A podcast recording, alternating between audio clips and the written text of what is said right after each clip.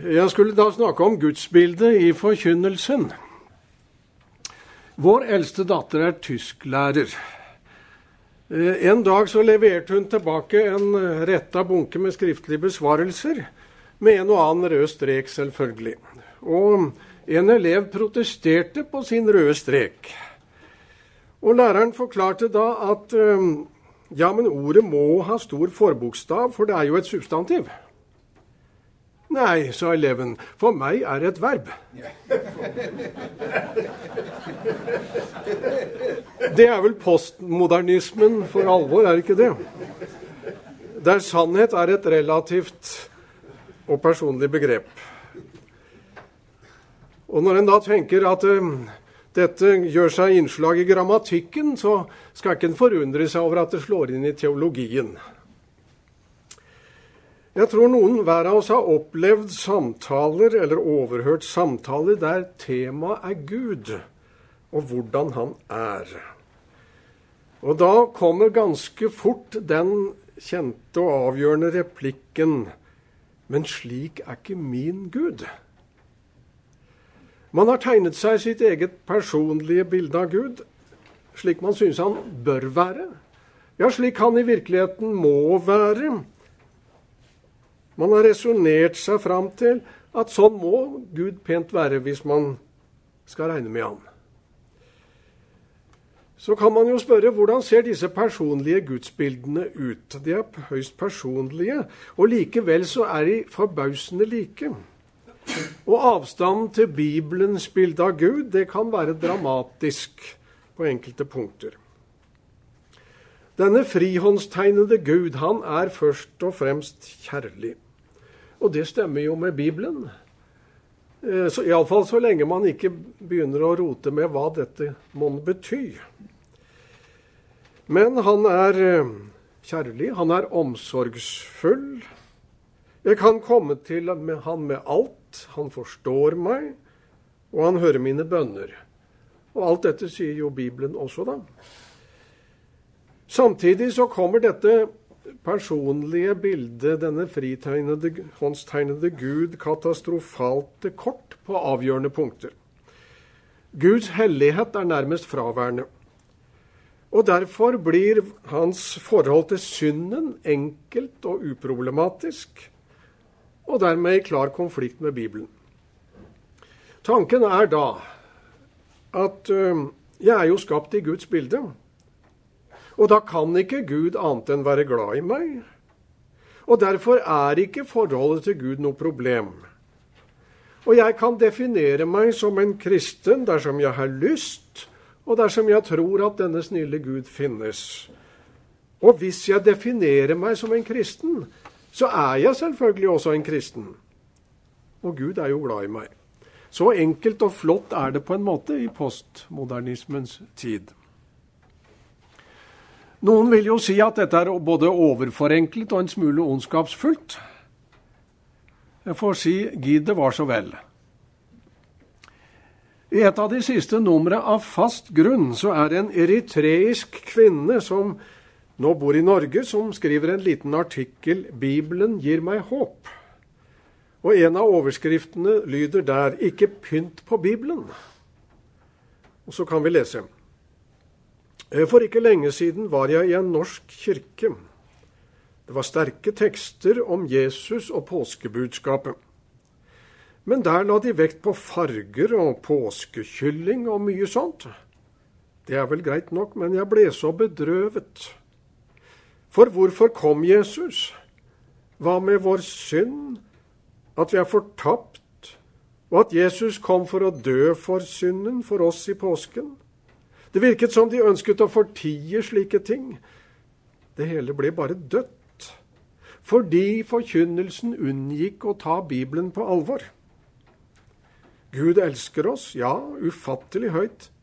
Men han tar synden på alvor. Det forsvant i gudstjenesten. Sitat slutt. En slik enkeltobservasjon, det er jo en indikasjon men vi har jo mer enn indikasjoner på at vi her rører ved et problem.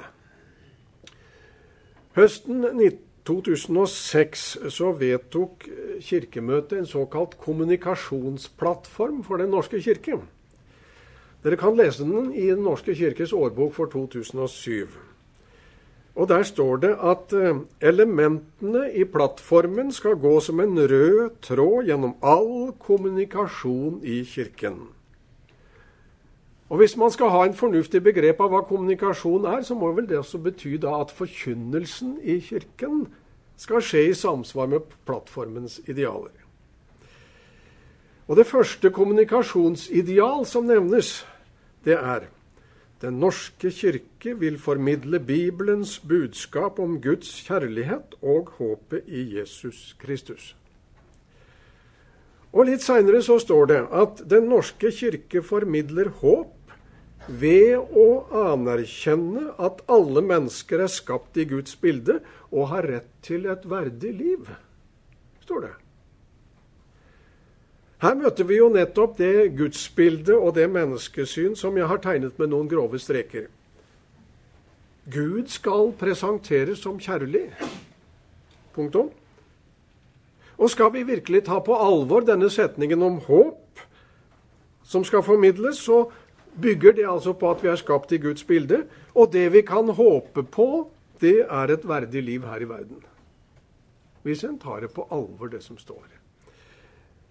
Jeg tror jo ikke at alle som stemte på denne plattformen, kirkemøtet, var faktisk enstemmig.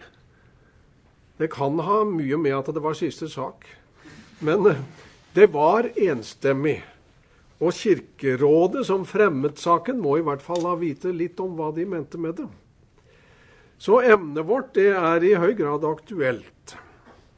Enhver kirke, enhver organisasjon, enhver prest, enhver forkynner møter fristelsen til å avdømpe eller underslå visse sider ved Bibelens gudsbilde. Og det er liten tvil om at det er Guds hellighet og hans forhold til synden som er den største anstøtsteinen. Derfor skal vi begynne med å se litt på hva det må bety at Gud er hellig. At Gud er kjærlig, det vet alle, selv om de ikke alltid vet hva det betyr. At Gud er allmektig, det husker mange, selv om det virkelig virker som det er få som tror det. Men at Gud er hellig, det synes de fleste har glemt, hvis de noen gang har hørt det. Helligheten er på en måte den fortrengte siden i vårt bilde av Gud. Og dermed så blir gudsfrykten den manglende dimensjon i kristenlivet. Vi vil starte med en bibelfortelling der Guds hellighet kommer klart fram. Der har vi veldig mange å velge mellom, men nå kan jeg ta, starte i Esekiel 1. Noen vil jo da reagere og si det er jo typisk at jeg da begynner i Det gamle testamentet. Ubevisst tenker man kanskje det at Gud må jo ha forandret seg en hel del, så lenge som det er siden. I gammel tid var jo Gud hellig og vred, men nå, i den nye pakt, er han ikke da blitt mer kjærlig? Saken er jo en ganske annen. Saken er at Gud ikke har forandret seg. Han sier det jo selv i Malakia 3,6.: Jeg, Herren, har ikke forandret meg. Han er alltid i overensstemmelse med sitt eget evige vesen. Han har alltid vært og vil alltid forbli både kjærlig og hellig. Derfor taler han alltid både i lov og evangelium. Fordi han er den han er, uforanderlig. Da Esekiel ble kalt til profet, så hadde han et syn, og dette står i Esekiel 1, 26. På det som lignet en trone, var det en skikkelse som et menneske å se til.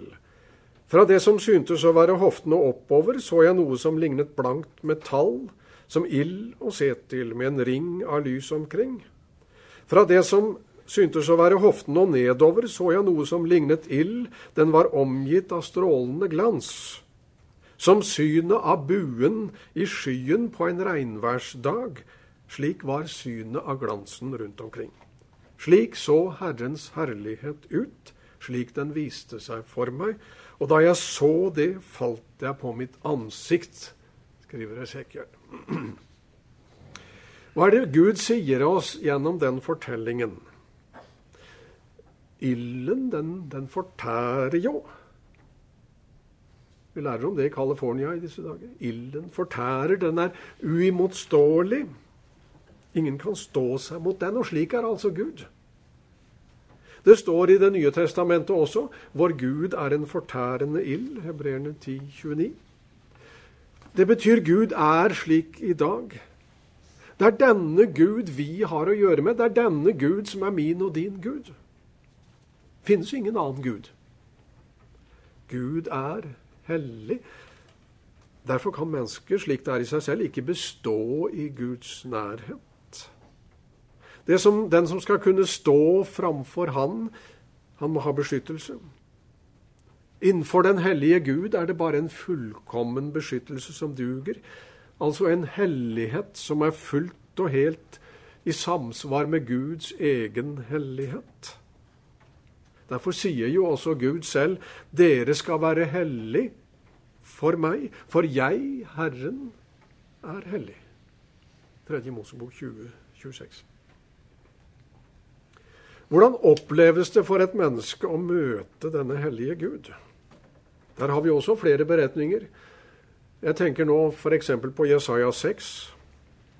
Der står det I det året da kong Usia døde, så jeg Herren sitte på en høy, opphøyet trone, og slepet av hans kåpe fylte tempelet. Serafer sto omkring ham. Og den ene ropte til den andre og sa, Hellig, hellig, hellig er Herren, herskarenes Gud. All jorden er full av Hans herlighet. Dørpostenes fester bevet ved røsten av dem som ropte, og huset ble fylt med røk. Da sa jeg, ved meg, jeg er fortapt. For jeg er en mann med urene lepper, og jeg bor midt iblant et folk med urene lepper. Og mine øyne har sett kongen, Herren, herskarenes Gud. Slik står det. Altså Opplevelsen av Guds hellighet og renhet var noe helt overveldende. Innenfor Gud så, så han sin egen katastrofale mangel på personlig hellighet. Og han var en profet som forkynte Guds ord. Men i Guds lys så så han at også den tjenesten, ordets tjeneste som han sto i, også den var flekket av synd. Han så sine urene lepper, han som var profet. I møte med Gud så ble denne synden en fundamental nød. Bibelens tale om den hellige Gud, den underminerer enhver tanke om at mennesket skal kunne møte Gud uten Jesus som mellommann og forsoner. Det sterkeste vitnesbyrd om Guds hellighet det har vi likevel ennå ikke nevnt, og det er jo Golgata. Der møter vi den hellige Gud som holder dom over synden. Det står om Jesus på korset at han ble en forbannelse for oss. For det står skrevet 'Forbannet er hver den som henger på et tre'. Galaterne 3, 13. Jesu lidelse på Golgata forteller jo om Guds ubendige hat mot synden. At i sin hellighet så kan Gud aldri komme overens med synd, og aldri uh, se bort ifra synd. Den må få sin dom og straff. Og dette ligger altså fast i Guds vesen, og derfor endrer det seg ikke. Synd fører alltid Guds dom over seg. Det var syndens konsekvenser som møtte Jesus på Golgata. Konsekvensen av våre synder. Bibelens tale om Guds hellighet og våre synder lærer oss en hovedsak som er veldig fremmed for oss i utgangspunktet. At det er Gud som er vår, vårt fundamentale problem. At det er Gud som er vårt fundamentale problem, og livets hovedspørsmål blir derfor finnes det en hellighet som holder mål når jeg skal møte den absolutt hellige. Og vi kan si ja, det gjør det, men den kan ikke komme fra Jeg kan ikke komme ved noe menneske. Den kommer bare gjennom Jesus. Bare fra Gud og ved Gud. Han som er Herren som helliger dere, som det står i 3. Mosebok 21. Guds egen kjærlighet, det er den eneste makt i tilværelsen som er sterk nok til å berge meg fra Guds vrede over mine synder. Akkurat dette kommer så fint fram i et syn som Johannes har i Åpenbaringen 4. Og det minner oss forunderlig klart om Esekiel 1. Se, en trone var satt i himmelen, og det satt en på tronen. Han som satt der, var å se, som, se til som jaspissten og sardersten, og rundt tronen var det en regnbue, som en smaragd, å se til. Også for Johannes åpenbarte Gud seg som den hellige, symbolisert ved ild og lyn og torden, som for Esekiel. Men over Guds trone var det hvelvet en regnbue, selve symbolet på Guds langmodighet og nåde. Det står jo om dette i Første Mosebok 9. Men dette er de samme symbolene som møtte Esekiel. Gud åpenbarer sin hellighet gjennom ild og brennende metall. Men også der er liksom ilden og dette veldige avgrenset og omrammet av regnbuen, begrenset av regnbuen, Guds langmodighet og nåde. Jeg tenker Gud åpenbarer seg aldri på tilfeldig vis. Disse bildene er hjelp til oss for å forstå noe at Gud er hellig. I sin hellighet er han uimotståelig for mennesker. Ingen kan møte ham aleine og leve. At Gud er kjærlig. I sin kjærlighet er han langmodig og trofast, likeså langmodig og trofast som den naturlov som skaper regnbuen. Guds kjærlighet er den eneste makt i verden som er sterk nok til å hjelpe oss mot Guds hellighet og vrede over synden. Ved å sende sin sønn til å lide og dø for våre synder, kan han nettopp gi oss sin fullkomne hellighet og renhet som en gave ved tilregning. Så må vi spørre litt hva vil det si at Gud er kjærlig? Vi startet med å påstå at Guds hellighet det er den fortiede og glemte dimensjonen ved Gud. Men når helligheten forsvinner, så står Guds kjærlighet i fare for å bli omtolket og misforstått. Forholdet er jo at der hvor forkynnelsen av loven og Guds hellighet tones ned, der blir etter hvert evangeliet ikke så interessant. Det blir i grunnen ganske selvfølgelig. Det blir noe jeg kan, og derfor blir ferdig med. Jeg har lært det. Faren er jo at Guds kjærlighet der oppfattes som en form for raushet og romslighet som gjør at Gud godtar oss slik som vi er. Han vet jo også at det er vanskelig å være menneske. Gud er god, han forstår. Han bærer over, og han tilgir. Uten noen nærmere filosofering om hva det nå måtte være. I dag er det så viktig å, å få sagt noe om hvordan Guds kjærlighet arter seg. Og hvordan jeg kan finne inn til Guds kjærlighet. Bibelen sier det klart og enkelt. For så har Gud elsket verden at han ga sin sønn den enbårne, for at hver den som tror på ham, ikke skal fortapes, men ha evig liv. For så har Gud elsket verden. Så høyt har Gud elsket verden. Men ikke bare det. På den måten har Gud elsket verden at han ga sin sønn den enbårne. På den måten. Det er slik Guds kjærlighet viser seg. Den er ikke noe luftig og uklart. Den viser seg på en helt bestemt måte ved at Gud gir sin egen sønn til soning for våre synder. Ved dette ble Guds kjærlighet åpenbart iblant oss, at Gud har sendt sin enbårne sønn til verden for at vi skal leve ved ham.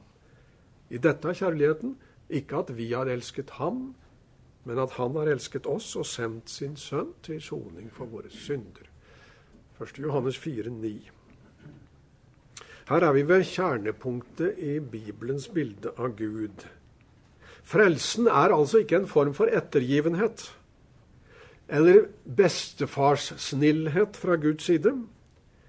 Frelsen bygger på forsoningen, på Kristi stedfortredende strafflidelse og død. Det er den som er grunnlaget for rettferdiggjørelsen ved tro. Det er i korset jeg ser Guds kjærlighet, hvor stor den er, hvor dyrebar den er, og hva den koster Gud. Vi burde selvsagt ta opp mange flere sider ved gudsbildet, men det har vi ikke tid til nå. Men vi er ved et springende punkt, og så skal vi da spørre hvordan kan vi formidle Bibelens gudsbilde i dag?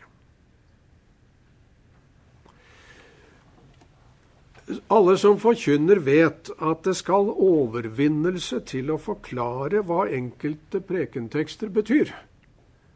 Det er mye enklere å bortforklare dem. Vi trenger en gudgitt redsel for å bortforklare Guds ord til oss. Alle, min, alle, mennesker, og ikke minst prester og predikanter, slites med to slags frykt. Eller slites mellom to slags frykt, nemlig Guds frykt og menneskefrykt. Og der gudsfrykten går ut, der rykker menneskefrykten inn. Der menneskefrykten får overtaket på gudsfrykten, der blir den største bekymringen å være tidsriktig. Slik at menneskene rundt oss kan like oss og forkynnelsen vår, og like kirken eller bedehuset.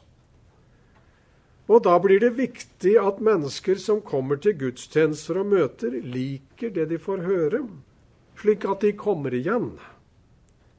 Haken ved dette er jo da at ingen liker seg inn i Guds rike. Hvordan formidle Bibelens gudsbilde? Eh, la meg starte med et spørsmål. Hva er det som bidrar mest til å forme vårt bilde av Gud og vårt syn på hva kristendom er? Jeg er ikke i tvil om svaret. At det er kristne mennesker som står oss nær. Hvordan de forholder seg til Gud og Guds ord. Hva de preker og hva de praktiserer. Nærstående mennesker. Og jeg har ofte brukt min egen far som eksempel. Jeg skal gjøre det nå. Han var en kristen. Ingen lederskikkelse, men han var en kristen hjemme. Det er noe av det største jeg kan si om et menneske. Han var ikke spesielt frimodig. Men likevel er det hans kristensyn som i stor grad har formet mitt. Og så tenker jeg, hvorfor ble det slik? Jeg har tre tanker. Han leste i Bibelen. Han leste veldig mye, egentlig. Og synlig. Han leste om kveldene mens vi barna holdt på med vårt. Bibelen var alltid i nærheten. Jeg kan ikke huske at han noen gang sa til meg at jeg burde lese i Bibelen eller lese mer. Jeg er ganske sikker på at han aldri sa det. Men han gjorde noe annet. Han leste så mye selv at vi Ungene da jeg var liten, vi spurte han om å lese høyt for oss. Og så gjorde han det. Leste om skapelsen og Abraham og Isak og Jakob og Josef og Moses og Josva og Elias og Daniel og Jonah og alle disse, alt det spennende fortellingsstoff i Det gamle testamentet. Han var ikke redd for å slippe Israels Gud til. Dermed fikk Gud en mulighet til å avleire et inntrykk i mitt sinn, et inntrykk av hellighet og velde og makt og frelsesvilje og omsorg. Det var det ene. Det andre var hans forhold til Guds ord. Jeg husker ennå den dagen det gikk opp for meg som liten gutt at eh, far gjorde forskjell på ord. Vi hadde vedfyring hjemme, og det skulle tennes opp i mange ovner. Og det var alltid bruk for gamle aviser til å tenne opp i. Jeg husker at jeg skulle hjelpe han med å finne noe sånt en gang. Og så kom jeg med et oppbyggelsesblad. Men det ville han ikke ha. Jeg får meg ikke til å brenne Guds ord, sa han. Og det brant seg inn i meg. Han sa aldri at jeg ikke måtte gjøre det. Og han skjønte jo at også sånne blad måtte komme bort på en eller annen måte. Men likevel, han hadde en sperre for å sette fyrstikk bort i et sånt blad. Det var det andre. Og det tredje var hans forhold til evangeliet. Han leste mye i Bibelen. Og så var det en spesialitet at når han kom til noe viktig som han liksom eh, ville understreke for seg selv, så ble han halvhøy. Så gikk han å følge litt med. Og derfor så vet jeg at det var ett vers, to vers, han leste om igjen og om igjen veldig ofte. Jeg har tonefallet liksom inni meg, men han er såret for våre overtredelser, knust for våre misgjerninger. Straffen lå på ham for at vi skulle ha fred, ved hans sår har vi fått legedom. Vi for alle vill som får, vi vendte oss hver til sin vei, men Herren lot våres alles misgjerninger ramme ham. Ehm, jeg skjønte ikke det der. Men nå forstår jeg det. Skjønner at han var en anfektet kristen som trengte et ord å holde i. Og så hadde han funnet et sånn knagg å ta tak i. Et uh, ankerord, om du vil. Og på den måten så gir han meg etterpå, når jeg selv kom inn i det, fikk uh, forstå hva en levende, kjempende tro er, og hvordan den arter seg. Han viste meg noe av alvoret ved å ha med Gud å gjøre. Hvordan skal vi formidle en bibelsk gudsforståelse til en ny generasjon? Min første konklusjon er jo da at Bibelens gudsforståelse formidles gjennom levende og nære kristne som selv er preget av dette bildet i ord og ferd. Dette sier meg da på min bakgrunn at det kristne hjem er ufattelig viktig for neste slektsledds gudsforståelse. Dette er jo en av mange grunner til at kampen for ekteskap og hjem og familie, som vi nå er midt oppi, den er uhyre viktig. Det er en åndelig kamp.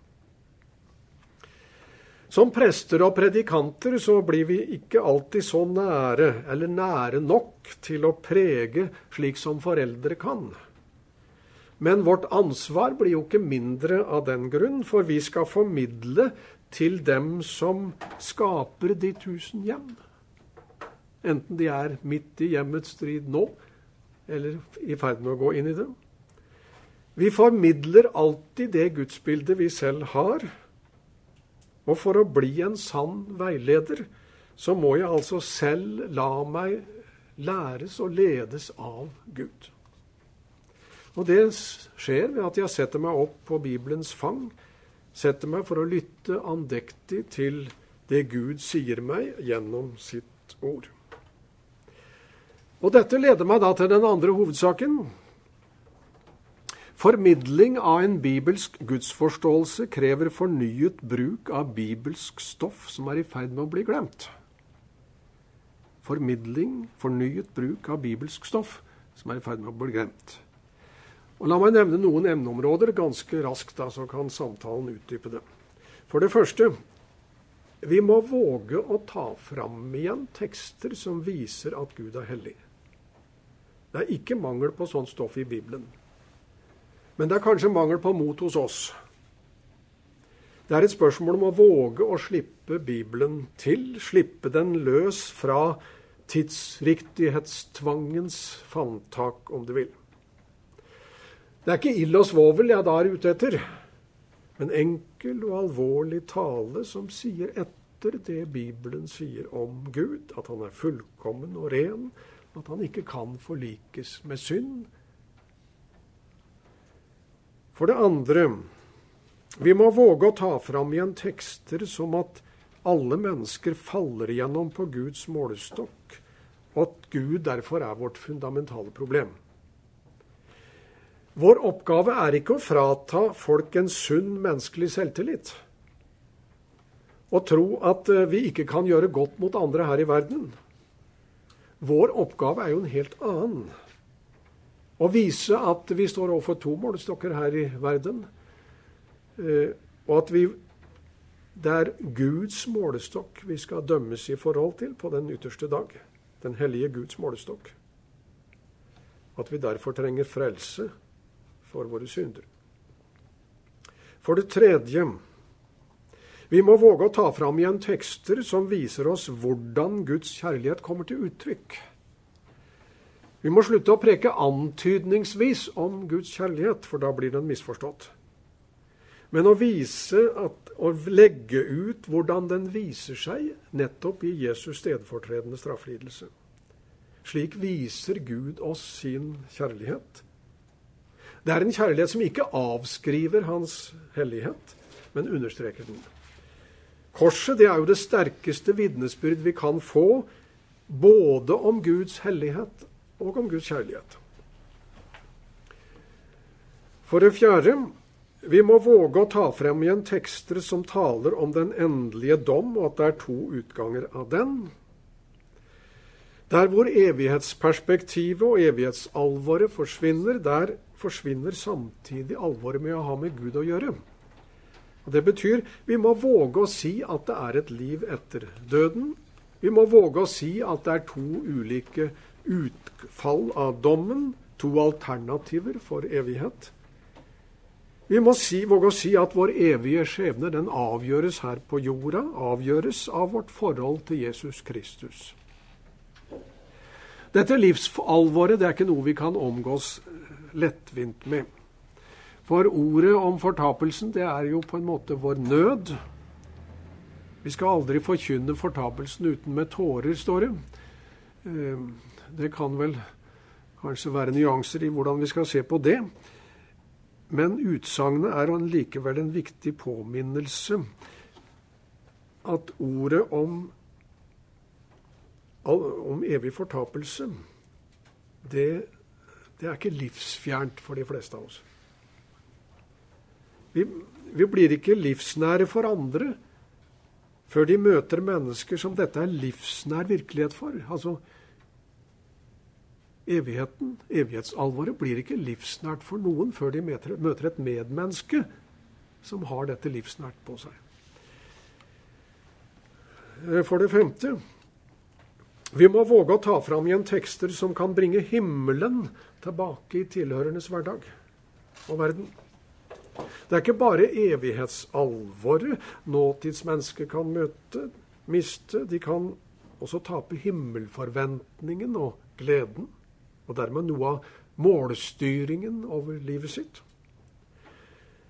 Bibelens bilde av Guds hellighet det må ikke bli stående alene. Det må stå sammen med bildet av Gud som er i nød for sin falne skapning. Gjennom sin sønn så har han betalt omkostningene ved å åpne himmelen for syndere. Det er Guds nød at noen går den døren forbi. Synet av målet det gjør det på en måte stort å være en kristen. Det er synet av himmelen som gir mening og lys over et liv i motgang og lidelse. Og det er målet som setter en kristen i stand til å møte forfølgelse og spott fra verden. Gud er altså ikke en lykkeautomat for nuet. Han er fra evighet og til evighet. Den som eier samfunn med den evige Gud, han har del i det evige liv her og nå. Og Det er viktig at vi får se livet vårt i det lyset. Og så var det det sjette og siste. Vi må våge å ta fram igjen tekster som kan bringe misjonsdimensjonen og kallet til tjeneste inn i tilhørendes verden. For bildet av Gud i Bibelen det blir ikke troverdig og rett før vi får med nettopp misjonsdimensjonen. At Gud vil at alle mennesker skal bli frelst. At Gud har betalt dyrt for at vi skal bli det. At Gud fortsatt kaller mennesker til å kalle andre mennesker inn til himmelens hallighet. At vitneansvaret og tjenesten er lagt på hver eneste kristen. Det er et dramatisk vers egentlig i 2. Korinterbrev 4,1 som sier det. Derfor, da vi har denne tjenesten i og med at vi har fått miskunn, mister vi ikke motet. Vi har denne tjenesten i og med at vi har fått miskunn. Slik gir Gud alle kristne et ansvar, et oppdrag, en plass og en betydning, en verdi og en verdighet, et mål og en mening med livet. Vi lever jo ikke i noen lett tid rent åndelig sett. Og i en slik tid trenger spørsmålene seg inn på alle som har forkynneransvar. Hva skal vi satse på for å nå inn til tidens mennesker? Jeg er redd at vi mange ganger har gjort skjebnesvangre feil. Vi forkynner Guds nåde. Jeg håper inderlig at vi gjør det på en rett måte. Jeg håper også at vi forkynner hva nåden har kostet Gud, for der er vi ved et avgjørende punkt for å forstå både Hans hellighet og kjærlighet. Men våger vi å stå fram med den forkynnelsen som skaper behov for nåden? Dersom tilhørendes gudsforståelse blir avbleket og feil, så er det ikke rart at eh, det er få som spør etter nåde eller synsforlatelse. De tar imot det med uinteressert selvfølgelighet. Bibelens gudsforståelse den er altså en forutsetning for å nå fram med evangeliet. Dersom vi går utenom Bibelens budskap på det punktet, så bidrar vi til å spre en avbleket og devaluert kristendom uten livskraft og livsrett. Den skaper verken respekt eller lydhørighet. Den eneste som resept som duger, også i vår tid, er å våge å la Bibelen selv komme til orde. Da mener jeg ikke å ta uh, verdien ut av at vi alltid har ansvar for å vurdere hvordan disse ordene blir forstått og tatt imot. Men å la Bibelens ord og virkelighet komme til orde, det er avgjørende. Bibelen må få tegne sitt bilde av den hellige Gud for oss, med hele sin skarphet og hele sitt alvor. For det er da vi bereder hjertene for evangeliet. Og det er her vårt ansvar ligger. Gud ber oss å si etter det han har sagt fore, så vil Gud selv dra ansvar for sitt ord. Sånn skal vi i all enkelhet få lov å tenke. Og det sier jeg takk for meg.